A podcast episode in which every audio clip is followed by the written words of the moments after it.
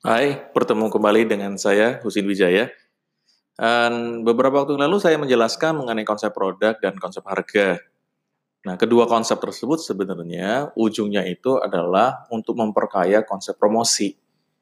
Jadi di dalam promosi kita harus benar-benar menggunakan data analytics untuk menentukan bentuk promosi mana yang paling efektif dan paling banyak direspons oleh pelanggan Anda.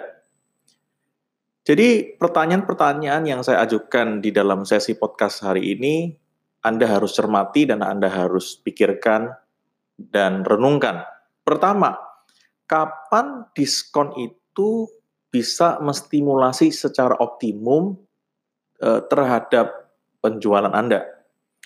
Misalnya contoh, di dalam event-event liburan seperti Lebaran, Natal, Tahun Baru, Hari Valentine, Hari Ibu, dan seterusnya, pelanggan cenderung untuk berbelanja.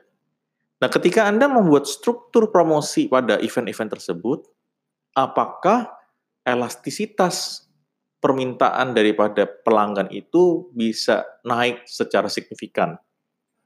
Misalnya di dalam banyak survei gitu ya, pelanggan akan datang ke toko-toko aparel ketika ada promosi-promosi di hari-hari liburan tersebut. Mungkin tiga kali lebih banyak responsnya daripada hari-hari biasa. Atau mungkin misalnya di dalam riset-riset yang dilakukan, promosi-promosi yang diadakan di weekends itu justru lebih efektif daripada hari-hari biasa.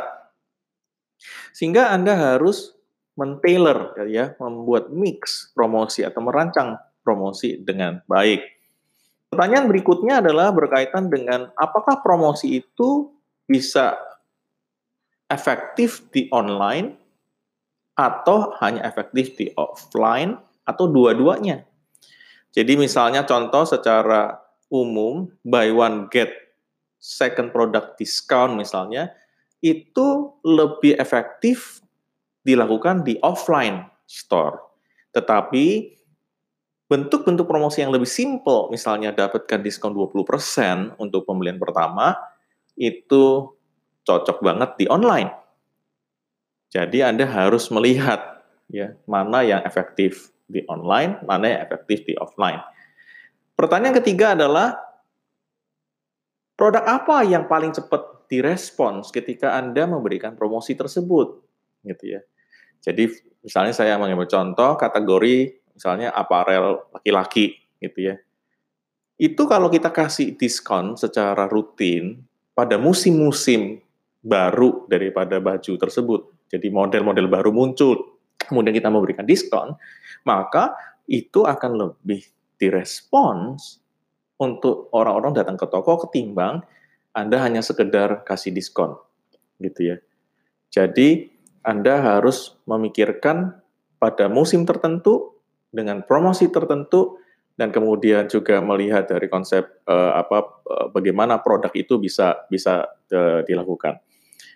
Nah, yang berikutnya adalah respon yang berkaitan dengan uh, taktik ya atau marketing mix ya, marketing mix gitu ya daripada uh, promosi ini atau boleh saya katakan lebih baik uh, promotion mix atau promotion structure jadi di dalam hal ini kita juga melihat bahwa banyak teknik di dalam uh, membuat promotion mix. Misalnya contoh basket basket size ya. Kemudian juga uh, promosi yang lebih berjenjang dan lebih kompleks. Maka Anda harus memikirkan juga mengenai respons pelanggan terhadap berbagai jenis promosi Anda. Yang berikutnya adalah Pertanyaan siapa yang paling cepat merespons? Ini juga perlu dianalisa ya. Apakah ini pelanggan yang setia dengan Anda atau pelanggan yang justru datang sekali-sekali membeli produk Anda?